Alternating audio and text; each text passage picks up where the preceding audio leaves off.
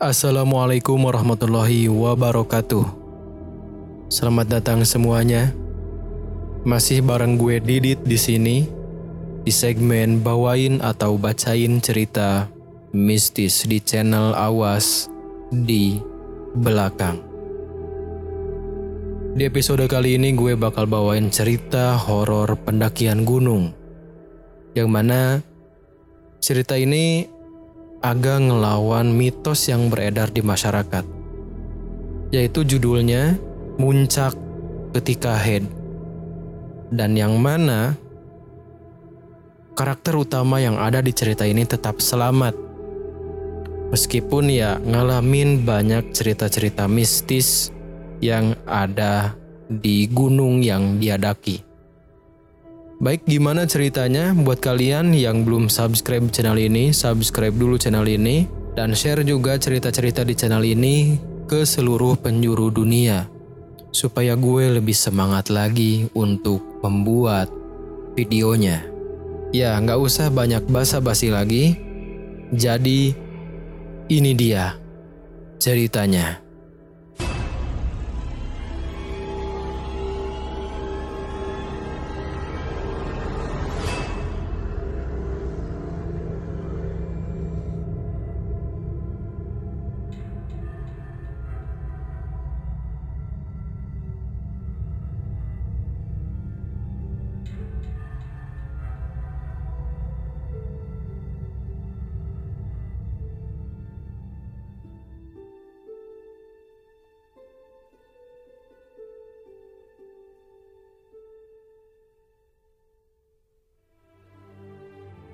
Cerita ini terjadi di tahun 2009. Dialami oleh seorang mahasiswi asal kota Bandung bernama Ayu yang terbilang nekat mendaki gunung Ciremai ketika sedang head. Ayu nggak sendirian. Ayu ditemani kakak satu-satunya yang bernama Ato. Kedua kakak beradik ini sudah nggak asing lagi dengan kegiatan pendakian. Pendakian ke Gunung Ciremai itu adalah pendakian kesekian kalinya yang mereka berdua lakukan bersama-sama. Jarak usia antara keduanya cuma terpaut dua tahun. Jadi mereka nggak terlalu canggung satu sama lain. Bahkan masing-masing dari mereka silih berganti untuk mengajak mendaki gunung. Meskipun mereka kakak adik, Ato dan Ayu ini kuliahnya sih seangkatan di kampus yang sama. Cuma beda fakultas. Di antara keduanya, Ayu lah yang kuliahnya super sibuk. Sampai-sampai si Ayu ini sering banget lupa makan dan lebih banyak ngelamun. Di liburan akhir semester 4 di tahun 2009 itu, Ayu nggak kayak biasanya. Dia masih kelihatan tertekan. Iya, gak ada lagi pemicunya selain perkuliahan. Soalnya waktu itu Ayu belum punya pasangan. Padahal sebelum-sebelumnya, kalau setiap liburan akhir semester, hampir selalu Ayu yang mengajak Ato untuk sekedar hiking atau mendaki gunung yang dekat-dekat sama rumahnya. Kayak Gunung Manglayang, Burangrang, atau Tangkuban Perahu. Waktu itu Ayu lebih sering diam di kamar. Setelah dicari tahu, Ternyata waktu itu, Ayu lagi tertekan sama dosen killernya yang malah ngasih tugas di waktu libur. Aneh banget tuh dosen, kejam banget. Melihat adiknya tertekan, atau nggak tinggal diem. Waktu itu dia ngajak Ayu untuk mendaki Gunung Ciremai. Alasannya biar jauh dari kampus dan biar tekanannya bisa benar-benar hilang. Diajak mendaki gunung tumben-tumbenan, Ayu malah jadi setengah-setengah buat mutusin dia ikut atau enggak. Tapi setelah agak dipaksa sama Ato, akhirnya Ayu mutusin buat ikut kakaknya mendaki Gunung Ciremai. Mereka berangkat Jumat siang dari Bandung ke Kecamatan Maja, Kabupaten Majalengka. Kenapa ke Maja? Soalnya Ato waktu itu pengen nyobain pendakian dari jalur Apuy. Sepanjang perjalanan menuju terminal Maja, semuanya baik-baik aja. Sampai sore hari mereka tiba di terminal Maja dan Ayu hendak sholat asar di musola terminal. Tiba-tiba Ayu ngerasa ada yang gak beres. Ayu ternyata head. Ayu kelupaan. Ayu langsung inget-inget tanggal. Dan ternyata di tanggal itu memang jadwalnya Ayu datang bulan. Alhasil, Ayu cuma nunggu Ato dari luar musola. Setelah nunggu Ato sholat, Ayu bilang ke Ato kalau dia lagi head. Ato yang dengar itu kaget. Soalnya Ato pernah dengar sebuah mitos kalau jangan pernah mendaki gunung dalam keadaan head. Saat itu juga mereka berdua jadi bimbang. Mau pulang udah ke palang tanggung. Mau mendaki pun malah ketahan sama keadaan Ayu yang lagi head. Akhirnya Ato minta Ayu buat segera bersih-bersih. Dan setelah itu Ato minta waktu sebentar ngajak Ayu makan di angkringan setempat. Sambil mikirin jalan keluarnya. Lagi makan di angkringan sambil nimbang keputusan antara pulang atau lanjut. Tiba-tiba ada seorang lelaki berumur pakai baju komprang dan ikat kepala batik warna biru. Duduk di samping Ayu. Laki-laki itu ngajak ngobrol Ayu sama Ato Ayu ngerasa kalau laki-laki itu ramah banget dan bukan ancaman. Lelaki itu mengaku bernama Abah Waluyo. Setelah obrolan mereka agak cair, dan mungkin Abah Waluyo melihat ada kebimbangan di antara Ato dan Ayu, Abah Waluyo langsung nanya, Ayah naon? Meni bangun hari iwang? Atau bahasa Indonesianya, ada apa? Kayak pada bimbang gini. Kenapa? Dan karena ngobrolnya udah enak, Ayu nggak canggung nyeritain permasalahan sebenarnya. Ayu cerita tentang kondisinya yang lagi head. Tapi tanggung udah sampai di Maja dan hasratnya buat mendaki gunung udah tanggung kuat banget. Abah Waluyo dengerin keluhan Ayu sampai Ayu benar-benar berhenti ngomong. Dan di sana, Abah Waluyo cuman jawab pakai bahasa Sunda yang artinya gini. Itu kan cuma mitos. Banyak juga kok yang selamat. Yang penting jaga kebersihan diri kamu baik-baik. Jaga etika juga. Kalau mau mendaki ya mendaki aja. Yang gak boleh lagi head kan cuman sholat, masuk masjid, sama pegang Al-Quran kan? Bukan mendaki gunung kan? Mendengar penjelasan Abah Waluyo, ada setitik harapan di benak Ayu. Ayu ngerasa agak lega Penjelasan Abah Waluyo langsung jadi solusi buat Ato dan Ayu. Mereka berdua berterima kasih banget sama si Abah yang baru mereka temuin itu. Sebelum mereka pisah, Abah Waluyo nitip pesen. Katanya, selain Ayu yang harus ngejaga etika dan kebersihan dirinya benar-benar, Abah Waluyo juga menekankan, Ayu dan Ato jangan pernah lepas dari doa. Karena mau gimana pun, darah head itu wangi dan punya daya tarik tersendiri buat makhluk-makhluk tak kasat mata. Ayu coba nanya, ada doa khusus apa enggak? Ternyata Abah Waluya punya. Dia ngasih doa perlindungan yang bunyinya kurang lebih kayak gini. A'udzu bikalimatillahi tammati min kulli syarri. Seperti itu. Selain itu, Abah Waluyo juga bilang, kalau Ayu atau Ato bisa menyelang doa itu dengan solawat. Ayu dan Ato akhirnya mantap nentuin langkah buat lanjut sewa ojek buat nganter mereka ke base camp Apuy. Tapi sebelum itu sesuai amanah dari Abah Waluyo buat jaga kebersihan, Ayu beli banyak pembalut dan kresek yang kemudian dia simpan di dalam karirnya. Berhubung waktu juga udah mau maghrib, mereka langsung bergegas naik ojek ke base camp Apuy. Masing-masing pakai satu motor. Gak lupa, semenjak jalan dari terminal Maja menuju base camp Apuy, Ayu terus baca doa perlindungan yang dia dapat dari Abah Waluyo. Di sepanjang perjalanan menjauh dari pemukiman warga, di samping terus baca doa, Ayu selalu merasa ada ribuan pasang mata yang terus lihatin dia dari balik pepohonan rindang yang mereka lewati. Mungkin Nah si tukang ojek ini juga ngerasa ada yang aneh. Dia langsung nanya to the point ke Ayu. Teh, teteh lagi head ya? Lah, Ayu kaget banget dengar pertanyaan itu.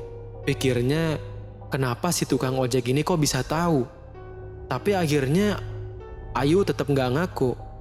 Dia malah malik nanya, emangnya kenapa? Si tukang ojek cuma jawab, enggak teh, cuman merinding aja. Rasanya kayak banyak yang lagi merhatiin saya. Dalam hati Ayu mengamini apa kata si tukang ojek itu. Tapi dia nggak bicara apa-apa lagi selain ngelantuinin doa. Sampailah Ayu dan Ato di basecamp Apuy sekitar jam 7 malam kurang. Mereka memilih bermalam dulu di Apuy dan baru mendaki besok paginya setelah subuh. Ayu dan Ato mendirikan tenda di salah satu spot dekat musola.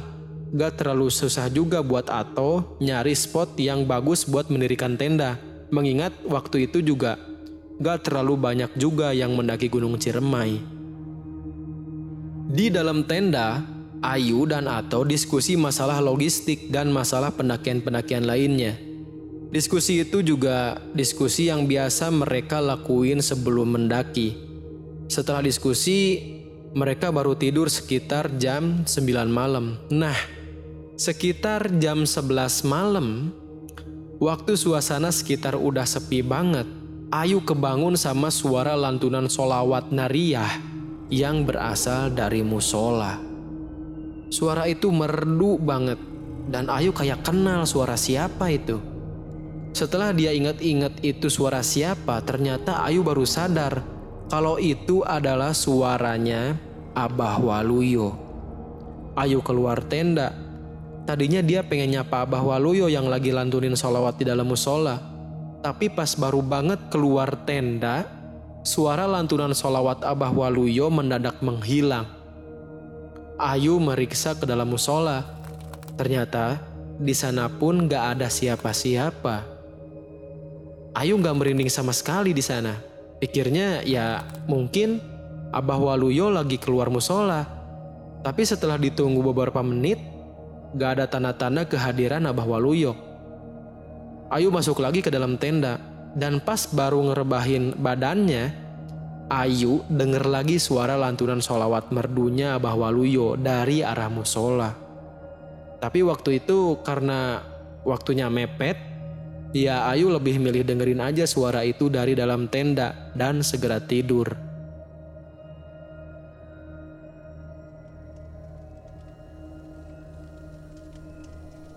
Waktu pendakian tiba.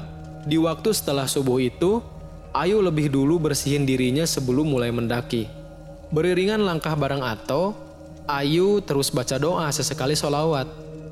Dan sejak masuk ke area hutan, Ayu mulai ngerasain lagi diperhatiin sama ribuan pasang mata yang ada di balik pepohonan. Tapi anehnya, gak ada perasaan takut sama sekali. Perasaan itu kayak perasaan biasa kalau pas lagi diperhatiin banyak orang. Ayu malah ngerasa tenang selama di jalur pendakian.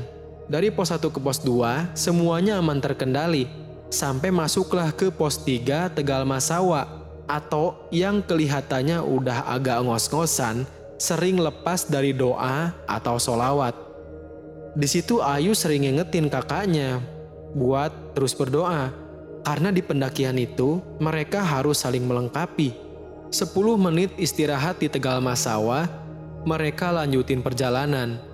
Di tengah jalan, tiba-tiba atau berhenti sambil majuin pandangannya fokus ke arah depan. Ayu nanya, ada apa bang? Ada nenek-nenek bawa macan. Tadi, tadi ke sana. Jawab Ato sambil nunjuk ke arah jalan setapak yang berbelok. Ayu mulai agak geram. Ah, abang ah. Makanya jangan berhenti doa. Ayo lanjut jalan. Ayu sadar kalau itu tuh bukan manusia. Karena mana mungkin ada seorang nenek yang berjalan ke atas gunung apalagi bawa macan. Mereka pun lanjut jalan. Dari sana, Ato berusaha gak lepas dari doa. Tibalah mereka berdua di pos 4, Tegal Jamuju. Tadinya atau mau terus jalan. Tapi berhubung Ayu udah ngerasa harus segera ada yang dibersihin, mereka jadi istirahat dulu dan atau ngasih waktu buat Ayu ganti pembalut. Sambil terus baca doa, Ayu nyari tempat yang pas buat dipakai bersih-bersih. Sambil bawa air di botol gede dan kresek, Ayu terus ngejauh dari jalur utama pendakian. Ayu sempat bingung mau berhenti di mana. Karena waktu itu Ayu ngerasa nggak ada tempat yang cocok. Tapi di waktu yang bersamaan, Ayu dibuat tertarik sama burung yang dari tadi ngikutin dia. Setiap kali Ayu ngelangkah, burung itu ikut terbang gak jauh di sampingnya. Dan setiap kali Ayu berhenti, burung itu juga berhenti, gak jauh dari tempat Ayu berdiri. Lama Ayu perhatiin burung itu, entah kenapa burung itu kayak pengen nuntun dia ke suatu tempat yang memang lagi Ayu cari. Burung itu langsung terbang, tapi terbangnya itu pelan. Menclok sana, menclok sini. Bener-bener kayak pengen nuntun Ayu lah. Ya tanpa pinggir panjang, Ayu ikutin burung itu. Sekitar beberapa lama dituntun burung itu, burung itu akhirnya berhenti lama di sebuah pohon yang dahannya menunduk. Dan seketika itu juga Ayu ngerasa tuh kalau itu pohon itu adalah tempat yang cocok buat dia bersih-bersih. Ayu jalan ke pohon yang menunduk itu dan bersih-bersih di bawah naungannya. Selama bersih-bersih, Ayu sama sekali nggak ngerasa terancam sama sekali. Dia ngerasa bener-bener aman di bawah naungan pohon itu. Setiap tetesan darah head yang dia buang selalu dia sertai dengan doa sambil berharap darah itu nggak jadi malapetaka buat dia. Selesai bersih-bersih dan mau keluar dari pohon yang menunduk itu, tiba-tiba Ayu dikagetin sama suara langkah orang yang mendekat. Awalnya Ayu kira itu Ato yang menyusul. Makanya dia manggil-manggil nama abangnya itu sambil keluar dari bawah pohon. Ya bang, ini udah bang. Tapi pas keluar itu, Ayu kaget ketika ngelihat yang datang itu ternyata bukan Ato, melainkan dua pendaki yang gak dikenal, yang lagi celingukan kayak nyari tempat. Ya Ayu sempat malu dong. Tapi pas salah satu dari mereka bilang, serem banget bang, di sini nggak ada siapa-siapa. Di situ Ayu langsung kaget. Gak ada siapa-siapa gimana orang di situ ada Ayu kan? Dia coba nyapa salah satu pendaki itu, tapi nggak dijawab. Kedua pendaki itu kayak nggak melihat Ayu sama sekali. Ayu bingung di situ. Dia percaya nggak percaya antara kedua orang itu memang lagi iseng atau emang raganya nggak terlihat sama mereka. Tapi Ayu coba nyapa lagi. Kedua pendaki itu tetap nggak merespon. Akhirnya Ato manggil dari jauh. Ayu cepet-cepet datang menghampiri. Di pos 4 itu, Ayu minta sama Ato buat nunggu dulu dua pendaki yang lagi melipir ke tempat Ayu barusan bersih-bersih. Ayu pengen mastiin apa mereka lagi iseng atau emang gak lihat Ayu waktu di sana. Sekitar lima menitan nunggu, kedua pendaki itu balik lagi ke pos. Ayu sengaja berdiri menghadap arah kedatangan mereka. Dan ketika mereka semakin dekat, keduanya menyapa Ayu. Ya Ayu kaget. Dia bilang, lah Mas lihat saya. Kedua pendaki itu saling lihat-lihatan. Salah satunya nanya, Emang kita berdua ini lihat mbak sekarang kan? Bukan mas, bukan. Tadi waktu di sana, mas-masnya ini lihat saya apa enggak? Ayu makin penasaran. Salah satunya ngejawab, Ah enggak mak. Orang kita berdua baru lihat mbak di sini. Mbak ini gimana sih orang tadi di sana benar-benar nggak ada siapa-siapa? Ayu makin dibuat bingung Gak mungkin mereka bohong. Dari raut keduanya, gak ada sama sekali tanda-tanda kebohongan. Atau nyamperin Ayu. Dia nenangin adiknya itu dan mempersilahkan kedua pendaki itu buat pergi. Di sana Ayu berpikir keras. Apa mungkin itu juga salah satu bentuk perlindungan? Gak mau mikir terlalu panjang, Ayu minta Ato buat kembali angkat carrier dan lanjut jalan.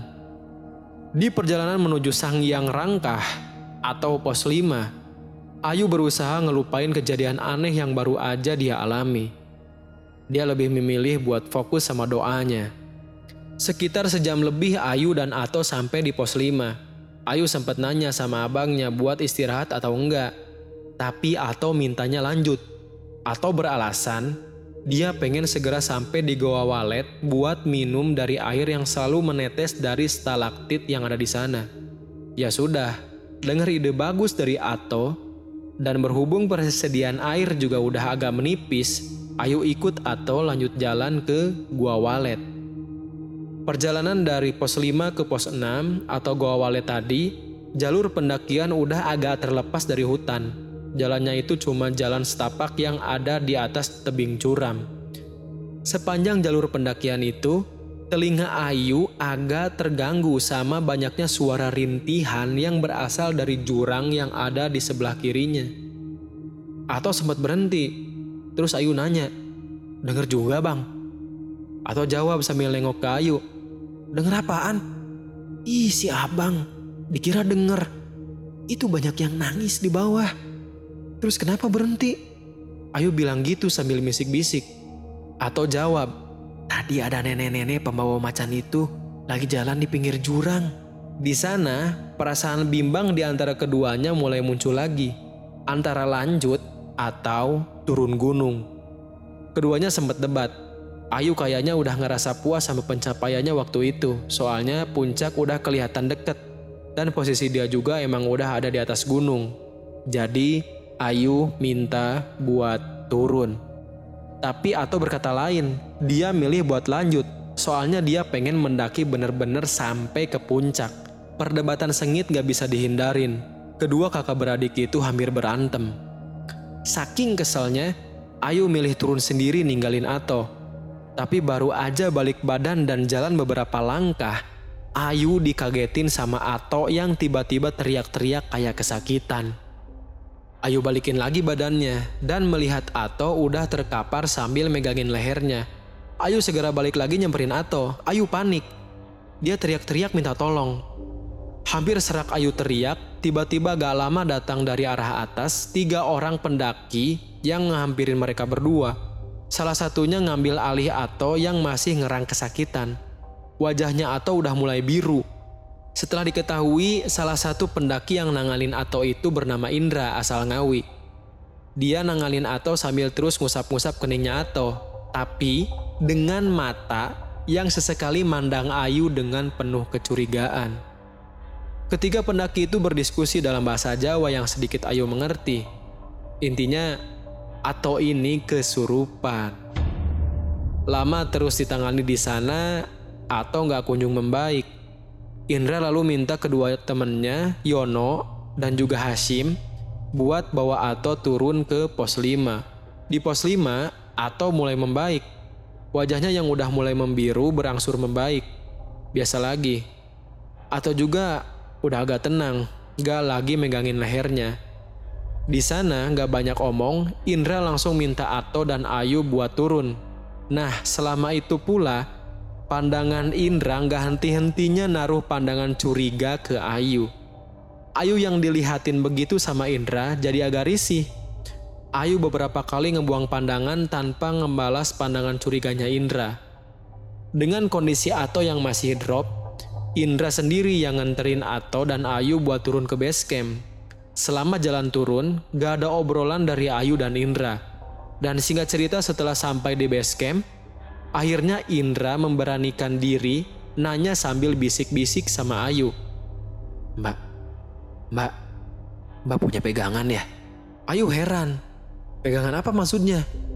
Ternyata yang dimaksud Indra pegangan itu adalah kodam penjaga di sisi lain, Ayu sedikit agak lega, soalnya Ayu mengira kalau Indra ini udah tahu kalau Ayu ini lagi head. Tapi setelah tahu kalau yang dimaksud Indra adalah hodam penjaga, ya Ayu juga nggak nggak begitu tahu pasti. Indra bercerita kalau pas waktu turun mau nolongin Ato yang lagi kesurupan, Indra yang juga ternyata punya indera keenam Ngelihat Ayu itu kayak diselimuti cahaya putih. Bahkan sepanjang jalan turun banyak makhluk yang mau ngampiri Ayu. Makhluk-makhluk itu selalu nggak berani terlalu dekat. Dalam hati, Ayu bertanya-tanya, apa itu efek dari doa yang selalu dia baca? Tapi Ayu nggak bilang itu sama Indra. Ayu malah balik nanya apa yang sebenarnya terjadi sama Ato. Indra bilang, kalau ternyata Ato pun hampir diselimuti cahaya putih kayak Ayu. Tapi waktu kesurupan itu, Indra ngelihat cahaya putihnya itu meredup. Dan bahkan sebagian besar udah pada bolong. Mendengar kesaksian Indra, Ayu berpikiran kalau mungkin aja itu efek dari lepasnya doa sama pikiran Ato yang selalu aneh-aneh. Kayak sebelum berangkat kan dia lebih percaya mitos. Di base camp itu, setelah Ato benar-benar pulih, Indra sempat nawarin Ayu buat kembali mendaki. Dia bilang, Ayu gak usah khawatir soalnya cahaya putih itu masih menyelimuti. Dan kalaupun Ayu lagi head, Ayu gak bakal kena gangguan. Ayu makin merinding tuh waktu dengar tawaran Indra itu. Tanpa bilang dia lagi head dan dengan alasan peduli sama kakaknya, Ayu bilang kalau dia udah cukup puas mendaki Gunung Ciremai meskipun cuman sampai pertengahan pos 5 ke pos 6. Ayu lebih memilih untuk pulang dan gak ngelanjutin pendakiannya lagi. Ayu, Ato, dan Indra akhirnya berpisah. Sebagai gantinya, Ayu sama Ato bermalam di sana semalam lagi. Atau diriin tenda lagi di dekat musola. Malam tiba. Di malam itu, Ato banyak bercerita tentang apa aja yang dia alami. Atau ngaku kalau dia terus ngekhawatirin Ayu dan terus kepikiran sama mitos gak boleh naik gunung ketika head. Dan itulah yang ngebuat Ato sering lepas dari doa. Dan waktu di Tegal Jamuju, Waktu Ato manggil Ayu dari jauh, itu ternyata Ato ngelihat agak jauh dari tempat Ayu berdiri dan kedua pendaki itu. Ada sosok hitam gede yang mengintai Ayu dari balik pohon. Makanya Ato manggil Ayu supaya Ayu cepat-cepat ada di dekat dia. Dan kejadian yang di jalur pendakian antara pos 5 dan pos 6 setelah hampir berantem sama Ayu, pas Ayu balik badan, Ayo dikagetkan dengan sosok hitam gede yang dilihatnya di Tegal Jamuju merangkak cepat banget dari arah jurang dan langsung mencekik Ato keras banget. Makanya ketika ditolong Indra turun ke base camp, Ato lebih milih banyak diem. Malam itu nambah kengerian buat Ayu dan Ato di dalam tenda. Gak ada lagi ucapan selain ucapan syukur dan doa-doa yang terus keluar dari mulut Ayu. Malam makin larut, di jam 11 malam waktu suasana udah sepi banget. Ayu lagi-lagi dengar suara solawat neriahnya Abah Waluyo dari arah musola. Ayu keluar tenda lagi. Kali ini di dalam musola benar-benar ada Abah Waluyo yang lagi duduk sila di barisan depan. Tapi pakaiannya beda. Abah Waluyo nggak lagi pakai baju komprang warna hitam, melainkan pakai baju gamis serba putih lengkap dengan sorban putih dan peci putih. Abah Waluyo nampak bercahaya. Ayu nyapa dari luar. Abah Waluyo berbalik, bangkit dan nyamperin Ayu sambil terus senyum. Sampai di luar di dekat Ayu, Abah Waluyo bilang, "Sekarang kamu boleh pulang." Terus Abah Waluyo balik lagi ke dalam musola dan lagi-lagi melantunkan solawatnya. Kayak terhipnotis, Ayu kembali ke tenda buat tidur lagi.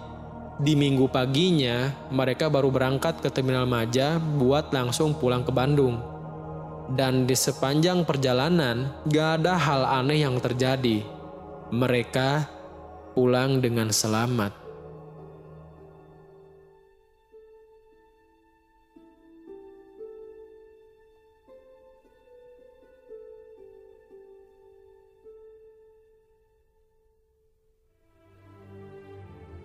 Kejadian itu ngasih pelajaran banyak buat Ayu dan Ato khususnya.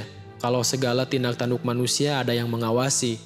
Terlebih kalau pikiran mereka sedang kacau, maka dalam tanda petik mereka yang kerjaannya menggoda iman bakal tak segan-segan buat mengganggu sampai titik darah penghabisan.